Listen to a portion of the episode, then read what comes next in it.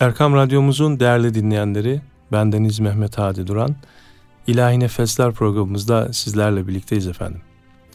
Programımıza bir eser dinleyerek başlayalım. Ondan sonra tekrar birlikte olacağız inşallah.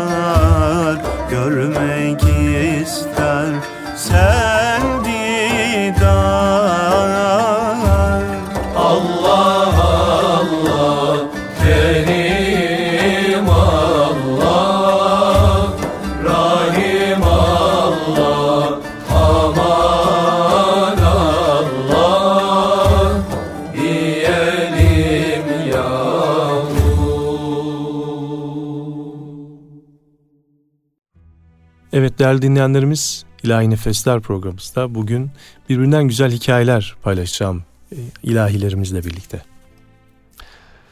Padişah vezirini huzuruna çağırarak sorar. Bana hizmet eden hizmetçimin hayatta benden daha mutlu olduğunu görüyorum. Acaba sebebi ne ola ki? Halbuki onun hiçbir şeyi yok. Ben ise padişahım. Her şeyin sahibiyim ama onun kadar huzurum ve keyfim yok. Bunu işiten vezir cevap verir. Ey padişahım sen ona 99 kuralını uygula. Padişah bu kural nedir dedi. Gece bir torbaya 99 altın koyup kapısına bırakalım ve üzerine de bu 100 altın sana hediyedir yazıp sonra kapısını çalalım ve olanları izleyelim. Padişah vezirin tavsiyesine uyarak o gece bu yüz altın sana hediyedir yazılı altın kesesini evinin önüne bırakır. Hizmetçi kapıyı açar, sağına soluna bakar ve keseyi alır. Heyecanla altınları sayar. Lakin bir tane altının eksik olduğunu görünce galiba dışarıda bir yere düştü diyerek çoluk çocuk kayıp altını aramaya koyulurlar. Gece boyunca kayıp altın ararlar. Bakmadıkları sokak yoktur. Hatta boş araziler ve sokaklardaki eşyaların bile altlarına bakarlar. Ama nafile. Eksik altını bulamadıkça baba çocuklarını azarlar, hatta bir ara onlara saldırır hale gelir. Ertesi gün olur, sabah hizmetçi kederli ve düşüncelidir. Çünkü bütün gece uyuyamamış, kayıp altın aramıştır. Suratı asık, keyifsiz, her halinden şikayetçi bir tavırla padişahın huzuruna gider. Böylece padişah 99 kuralının anlamını öğrenmiş olur. Evet değerli dinleyenler, aynen hayatta böyledir. Kimi zaman Allah'ın bize ihsan ettiği 99 nimetini unuturuz, sonra hayatımızı o kayıp bir nimeti aramakla geçiririz. Halbuki o nimet bilmediğimiz bir hikmetten dolayı gelmemiştir. Belki bir imtihandır. Belki daha iyisi gelecek, belki ahirette verilecek bilinmez. Ama biz 99 nimeti görmez, o bir şeyin peşine düşeriz. Sonra bulamayınca da kendimizi mutsuz, huzursuz, keyifsiz hisseder, mevcut nimetleri unuturuz. Gelin biz 99 nimetin tadını çıkaralım. Şükür nimeti ziyadeleştirir, unutmayalım. Şükür nimeti değil, nimet vereni görmektir. Efendim bu güzel hikayeden sonra şimdi bir ilahi dinliyoruz.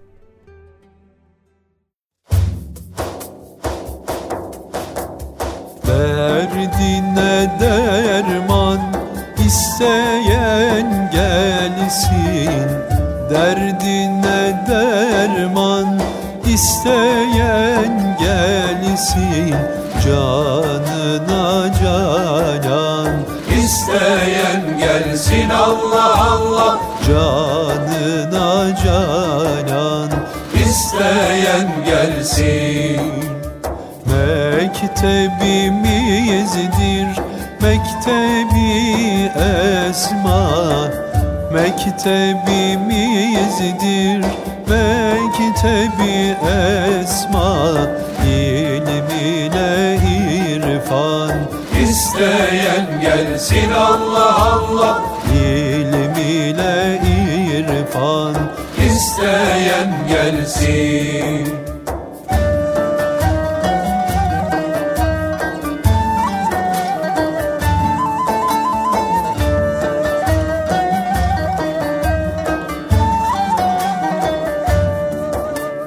Mazarı vahdet sermayesinden Mazarı vahdet sermayesinden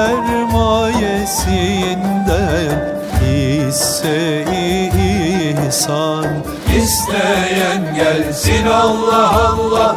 Hisse ihsan isteyen gelsin.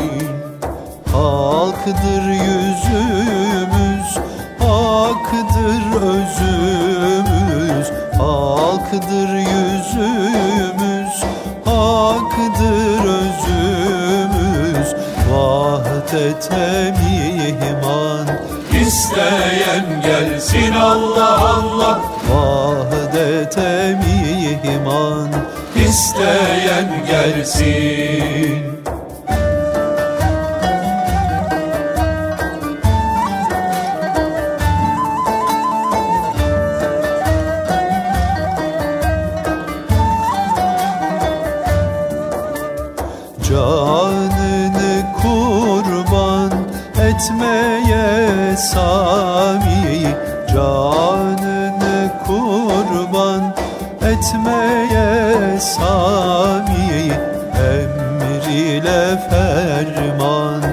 isteyen gelsin Allah Allah Emriyle ferman isteyen gelsin Yaşı 75'e dayanmıştı Muhammed Baba'nın. İki katlı evinin üst katını oğlu ve gelinine vermiş, kendisi de kapıcı dairesi gibi olan alt kattaki evde hayatını eşiyle sürdürüyordu. Hayatı boyunca çalışmış, helal rızık peşinde koşturmuş, dişinden, tırnağından arttırdığı bir miktar para ile de gece kondu karışımı bu yeri 10 sene önce alabilmişti. Şükür borcu da bitmişti. Ayda bir aldığı Bağkur emekliliği maaşı ile de namerde muhtaç değildi, kira da vermiyordu, kıt kanaat geçiniyordu çok şükür.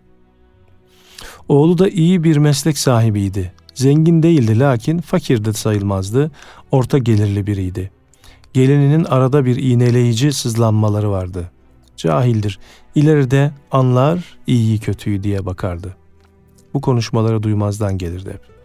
İhtiyarlar devamlı hoşgörü timsaliydiler. Kıymetli oğlunun ve gelininin haftada bir ziyareti somurtarak da olsa bir iki defalık verdikleri bir tas yemeğe memnun olur garipler. Günlerden pazar, vakitte öğlendiydi. Muhammed Baba fırınına gidip iki ekmek almıştı. Fırıncı, Muhammed emmi akşam için lahmacun malzemesi verdi senin oğlan. Ne zaman hazır olsun? Bana demedi var mı bir bilgin diyen soruyu haberim yok oğlum diye cevaplamıştı. Eve geldiğinde de 50 yıllık hayat arkadaşına Ayşe Hanım oğlan fırına lahmacun malzemesi vermiş. Akşama nasip olur herhalde. Akşama bir şey zahmet etme iki tane verir ne de olsa diyerek ümitle beklemeye başlar.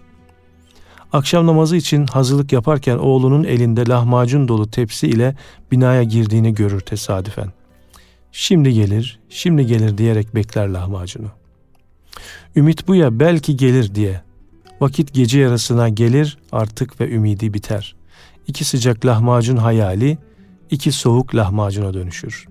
Gece yarısına kadar bekle babam bekle nafile. Gelmez. Açlık ve üzüntüyle bekler de bekler. Bir türlü gelmez o iki sıcak lahmacun. Muhammed Baba sabah erkenden kalkar, mahalledeki eski arkadaşının oğlu emlakçıdır. Emlakçı tanıdığının dükkanının yolunu tutar. Üçüne beşine bakmaz ve evi hemen satar. Ve bir şart koşar. Ben ölünceye kadar alt kattaki evde oturmam şartıyla diyerek ekletir tapu kaydına. Oğlanı hemen çıkartabilirsiniz diye de tembihler. Birkaç gün sonra oğlunun heyecanlı heyecanlı koşarak büyük bir merakla kapıya geldiğini görür. Oğlu içeri girmeden sorar. Baba bugün iki kişi geldi ve evi boşaltmamı senin evi sattığını söyledi. Böyle bir şey yok değil mi? Haydi satmadım de diye bağırır. Muhammed Baba susar ve seslenmez bile. Baba ne oldu dilini mi yuttun der ve devam eder. Haydi yalan desene. Baba diyemem oğlum sattım. Tapuları da verdim der. Muhammed Baba üzgün de olsa gerçeği söyler. Oğlan şokta nutku tutulur olduğu yere çöker ve niye baba niye kaça sattın bari onu söyle der. Muhammed Baba buğulu gözlerle burnunu çekerek iki lahmacuna oğlum iki lahmacuna sattım burayı der ve girer içeri. Rabbimiz her şeyin olduğu gibi evladın da hayırlısını bizlere nasip etsin. Yaşlılar gölgesinde hayat bulduğumuz koca çınarlardır. Onların kıymetini de bilelim. Geçen haftalarda 1 Ekim tarihinde daha doğrusu Dünya Yaşlılar Günü'ydü. Bir gün değil her gün boyunca büyüklerimizin kıymetini bilmeyi Rabbim bizlere nasip eylesin. Şimdi bir eser dinliyoruz yine.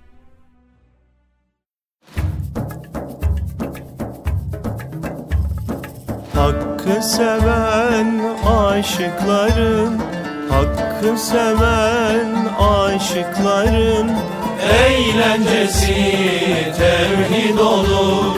Eğlencesi tevhid olur. Aşk oduna yanıkların Aşk oduna yanıkların Eğlencesi tevhid olur. Eğlencesi tevhid olur Durmaz isim sürer dili. Durmaz isim sürer dili. Sorar müdam doğru yolu. Sorar müdam doğru yolu. Gerçek ere diyen deli. Gerçek ere diyen deli. Eğlencesi tevhid olur Eğlencesi tevhid olur. Halkın arasından çıkar. Halkın arasından çıkar. Tevhid görmeye can atar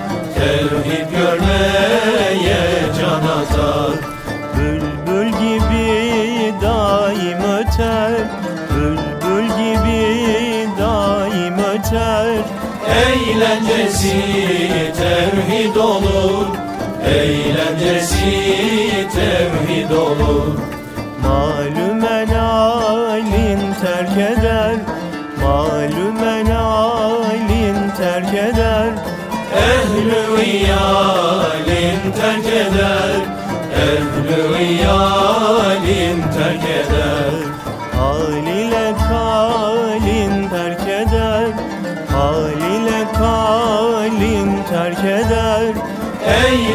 Eğlencesi tevhid olur Eğlencesi tevhid olur. Dünya ve ukba perdesin Dünya ve ukba perdesin Ardına atar cümlesin Ardına atar cümlesin Korma siva eğlencesin Korma siva eğlencesin. Eğlencesi tevhid olur. Eğlencesi tevhid olur. Mısır'ya uyan kişinin Mısır'ya uyan kişinin. Gider çürür işinin Gider çürür İçindeki can kuşunun içindeki can kuşunun Eğlencesi tevhid olur Eğlencesi tevhid olur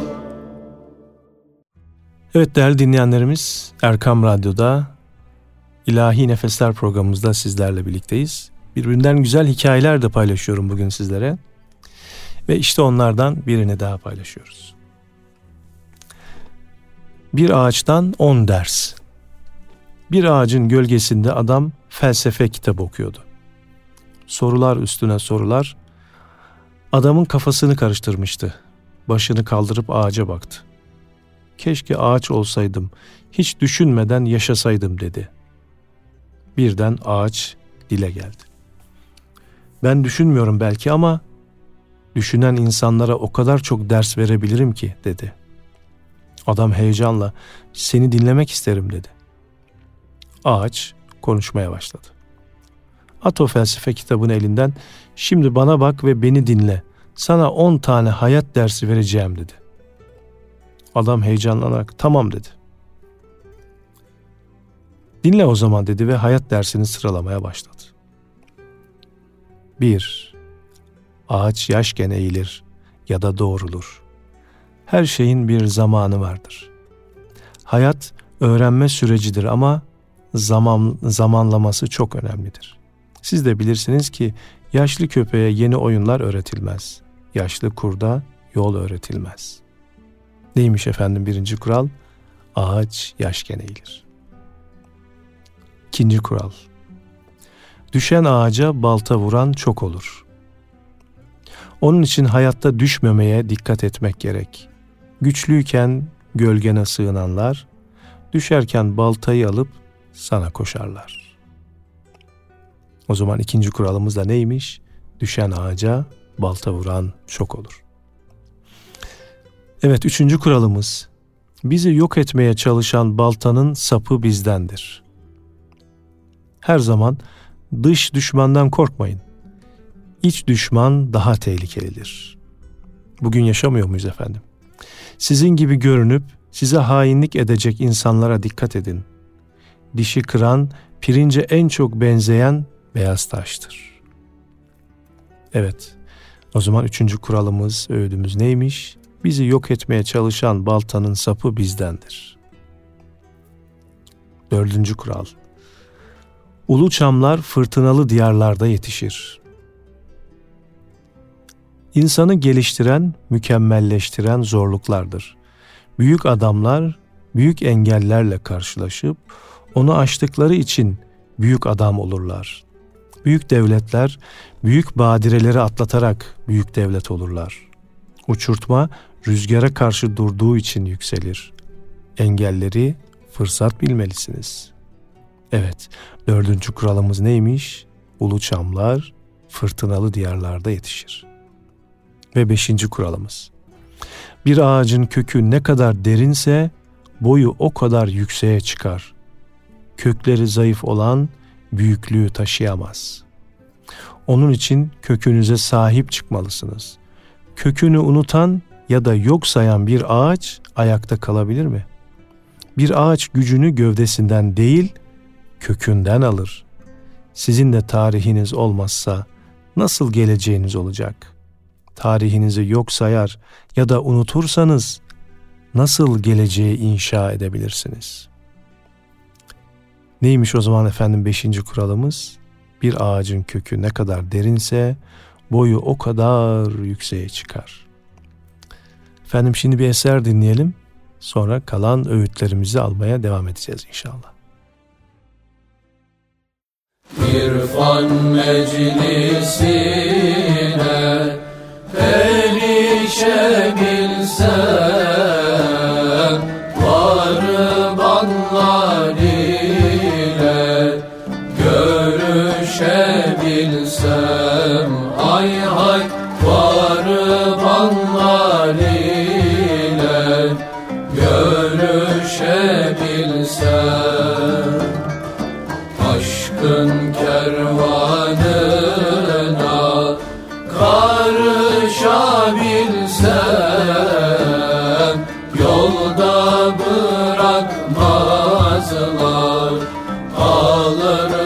seni. Hay hay Yolda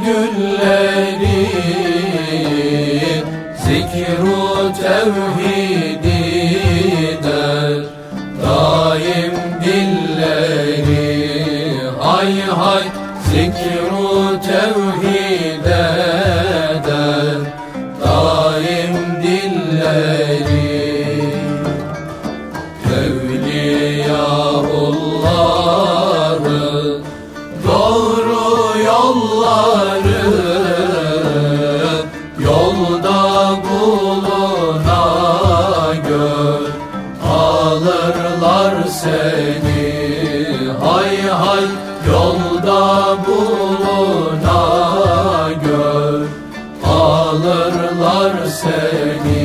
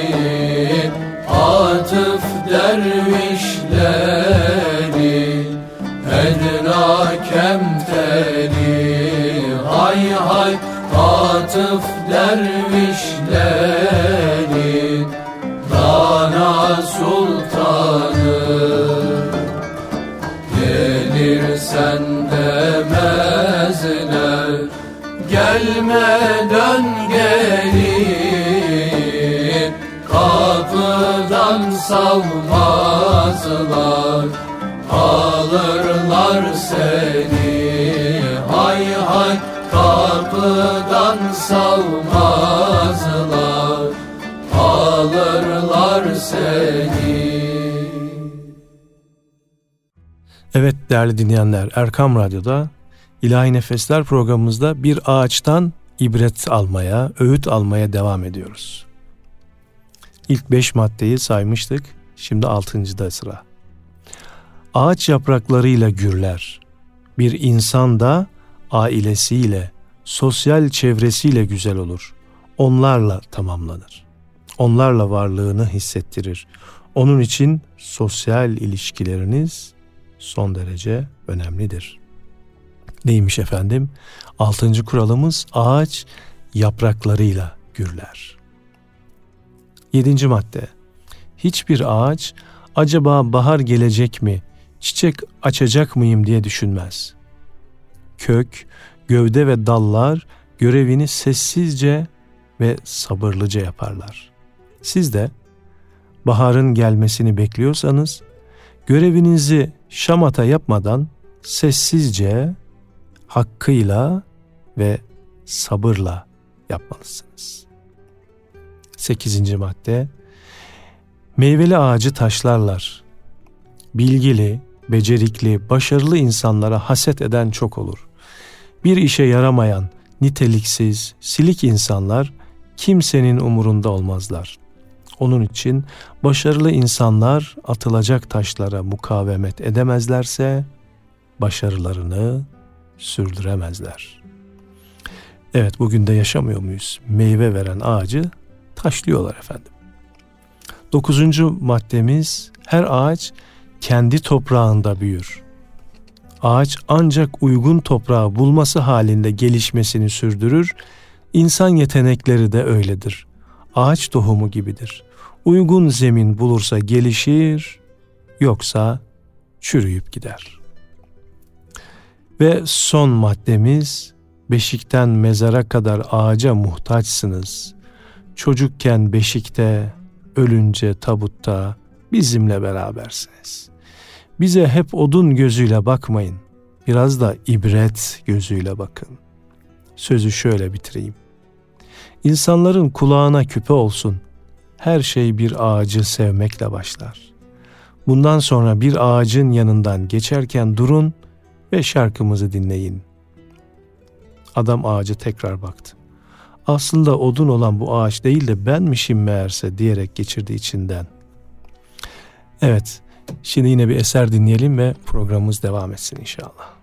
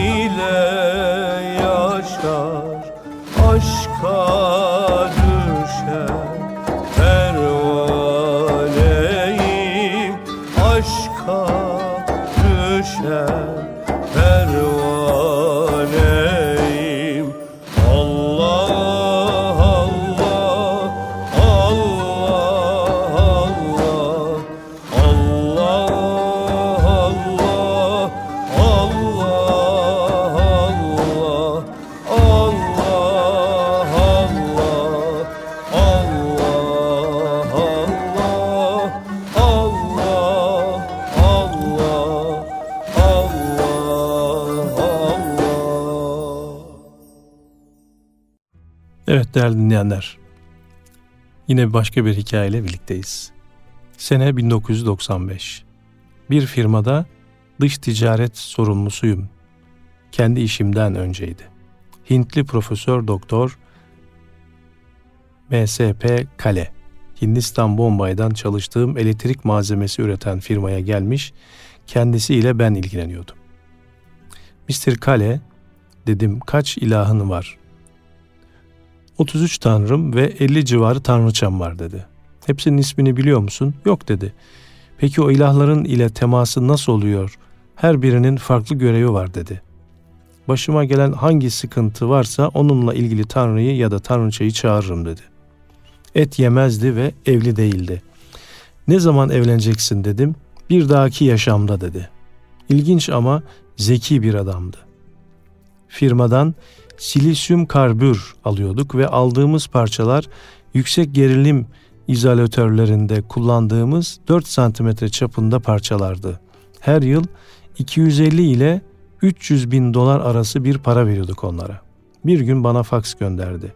Faksında silisyum karbürlerin no bilgisini size vereyim. Türkiye'de üretin. Sadece 10 bin dolar ve masraflarımı karşılayın. Ben de çalıştığınız firma size sorun yapmaz mı diye sordum. Yok dedi. Ben çalıştığım firmanın genel müdürlüğünden ayrıldım dedi. Öyleyse tamam dedim. Bizim firma sahipleriyle görüştüm. Çok heyecanlandılar. Tamam dediler. Bizim firma defalarca bu konuda arge yapmış, maalesef başaramamıştı. Adam geldi, karşıladım. Sakarya Üniversitesi'nden kimyacı bir profesör sanırım bölüm başkanıydı ve bir de doçent çağırdık ve firma sahiplerimiz de oradaydı. Kalabalık bir ekiptik. Adam bizim ARGE bölümünde kimyasal karışımın ve üretimin nasıl olacağını tahtada anlatmaya başladı. Bizim hocalar itiraz ettiler. Olmaz dediler. Bu adam kimyayı bilmiyor. Ben söz aldım. İyi de biz bu adamlardan mal alıyorduk. Bırakın anlatsın dedim. Hocalar itiraza devam edince Mr. Kale bana gün verin ben burada üreteyim siz sonra bana hesap sorun dedi. Onlar da peki dediler ve Mr. Kale işe başladı. İki gün sonra hem kısmen küçük bir makine yapmış ayrıca silisyum karbürleri de ortaya çıkarmıştı. Hocaları çağırdım geldiler. Gördükleri manzara karşısında adamlar şok oldular ve sesleri çıkmıyordu. Bunun üzerine Mr. Kale neden bizimkiler yapamadılar diye sordum. Cevabı şuydu.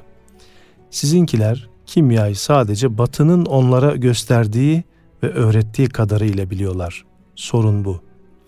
Sonrasında biz o ürünü üretmeye başladık ve o fabrika halen devam ediyor diye bir arkadaşım bana bir e, mesaj atmıştı. Ben de size e, sizinle paylaşmak istedim bu işte kısa yaşanmış hikayeyi. E, Taşkın Koç, Koçak isimli kardeşimiz bizimle paylaşmıştı bu ibretlik hadiseyi. Yani bugün yaşadığımız dünyada da Batı ne derse, ne isterse biz onu o kadar biliyoruz ve o kadar yapabiliyoruz ya. İşte ona bir örnek bir hadise yaşanmış bir hadiseydi. Efendim bir eser dinleyelim sonra programımız devam etsin.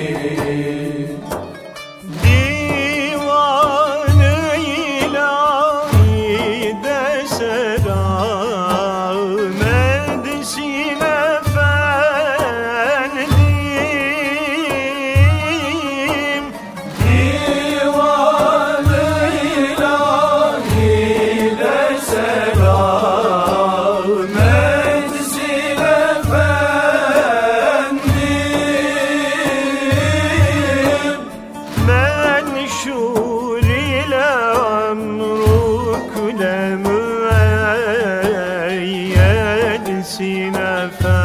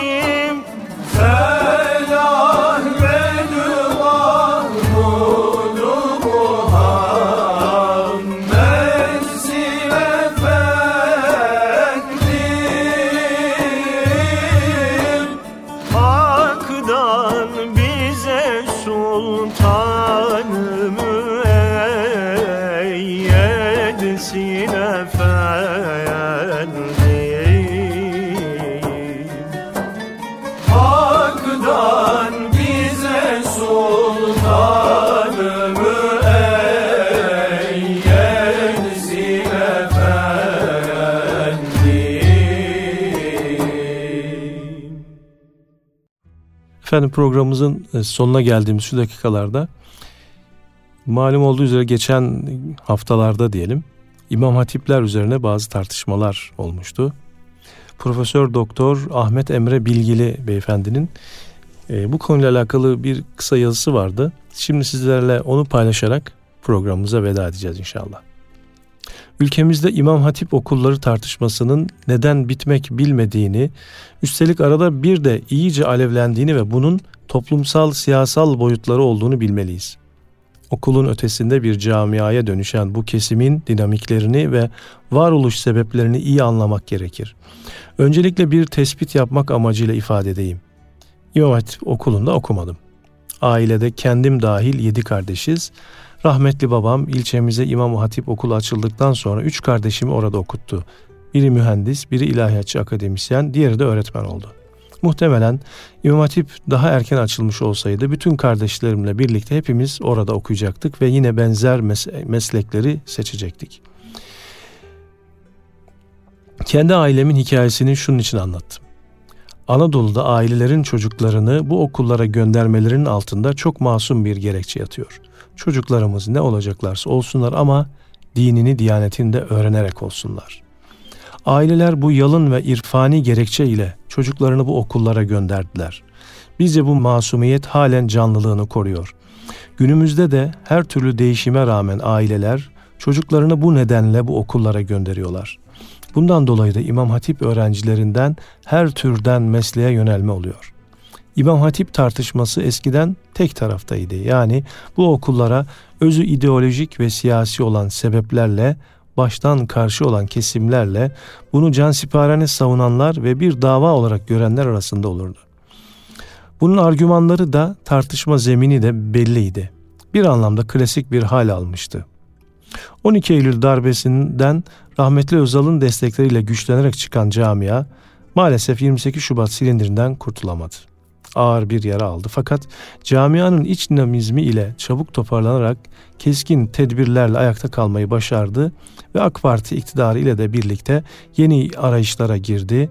Lojistikleri, siyasi ve bürokratik destekleri arttı etrafında oluşan sivil toplum kuruluşları, siyasi ve idari desteği de arkasına alarak okulları ve yöneticilerini kuşatıcı bir çembere aldılar. Okul yöneticileri ve camianın ileri gelenleri iç içe olan yönetim tarzını meczederek tartışılır bir tarafı da olan yeni bir yönetim konseptini ortaya çıkardılar. İktidarın ilk 10 yılı 28 Şubat travmasından kurtuluş ve toparlanma çabaları ile geçti. FETÖ bu camiadan hiç haz etmedi. Açıkça düşmanlık yapmadıysa da aslında büyümesinin önündeki en büyük engeldi. Nitekim İmam Hatipler'de asıl toparlanma da 15 Temmuz'daki FETÖ hainliğinden sonra başladı. Özellikle son 6 yıldır yeni ve çeşitlenen bir İmam Hatip okulları kurgusu üzerinde çalışıldı. Bu kurgu okullara yeni bir açılım getirdi.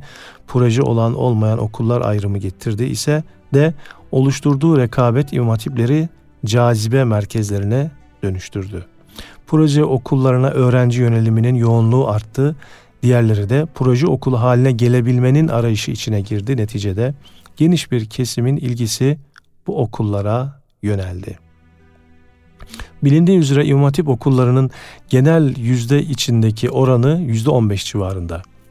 Bunun nicelik açısından da kıymeti harbiyesi var. Nitelik ise zaten şaha kalkmış durumda. Yani yeni kurgu başarıyı getirmiş, ilk sonuçlar ortaya çıkmıştır ve bu durum devrim niteliğindeki başarının habercisi olarak görülmüştür. Üniversiteye yerleşmede geçen yıla göre %25 artış sağlanmıştır. YKS'de geçen yıla göre sayısal alanda %55, sözel alanda %30, eşit ağırlık alanında %30, dil alanda ise %29 artış gerçekleşmiştir. Diğer taraftan ilk yüzün 19'u, ilk 500'ün 109'u, ilk 1000'in 214'ü İmam Hatiplidir. Bu durum aynı zamanda artıştaki istikrarı gösterir ve nitelikte ve nicelikte de varız anlamını taşır. Tüm bunlar olurken camia olanları tartışma konusu yapmadı. Ne zaman ki akademik okul başarısı olarak ifade edeceğimiz iyi üniversiteler kazanma ortaya çıkınca tartışma da başlamış oldu. Tartışma daha çok başarılı proje okullarından mezun olan çocukların neden ilahiyatları tercih etmedikleri üzerine yoğunlaştı. Bunu söylemenin şu açıdan haklılığı var. İlahiyat eğitimini önemsemek ve bundan dolayı potansiyeli yüksek çocukların din bilgini olarak yetişmesini talep etmek. Fakat bunun da karar verici anlamda iki boyutu var. Aile, çocuk ve ilahiyatların bu öğrencilere ne vaat ettiği konusu. Aileler hangi cazibe ile çocuklarını ilahiyata göndermeliler? İlahiyatlar bu konuda yani iyi çocukları çekmek için hangi çabayı gösterdiler? Nasıl bir kurguları var? Aslında absürt olan İmam Hatip mezunlarının çoğunun ilahiyatları tercih etme beklentisidir. Zira bildiğimiz kadarıyla genel müdürlüğün de ailelerin de niyeti ve kurgusu bu yönde değildir. Artık İmam Hatip ismi imam ve hatip olmayı çağrıştırmıyor. Aksine dindar kişiler olarak yetiştirilmeyi ve özellikle diğer mesleklere yönelmeyi öngörüyor. Bu masum gerekçe babamın kardeşlerimi bu okullara gönderiş sebepleri ile aynıydı ve bu hiç değişmedi. Dolayısıyla doğru olan potansiyeli yüksek öğrencilerimizin bir kısmını akademik açıdan gelişmiş ilahiyat fakültelerimize özel bir strateji ve akademisyen olarak yetiştirilmek üzere cezbedici bir usul ile kazandırılması maksadın hasıl olmasını ortaya çıkaracaktır. Diğer bölümler olan ve artışın ortalama %80'lerde seyrettiği eğitim, tıp, sağlık, diş hekimliği gibi bölümlerde de İmam Hatipler ise sosyolojik anlamda dönüşümünü sağlayan aktörler olarak rol oynarlar. İmam Hatip camiası bu ülkenin hamurudur, mayasıdır, önderliğidir. Evet, bugünkü programımızı en son e, bu, bu İmam Hatipler tartışması üzerine yazılan Ahmet Emre Bilgili'nin, Profesör Doktor Ahmet Emre Bilgili'nin kaleme aldığı bir makaleyle tamamlamış olduk efendim. Programımıza güzel bir eser dinleyerek veda ediyoruz. Herkese, bizi dinleyenlere sağlıklı, huzurlu günler temenni ediyoruz efendim. Allah'a emanet olun.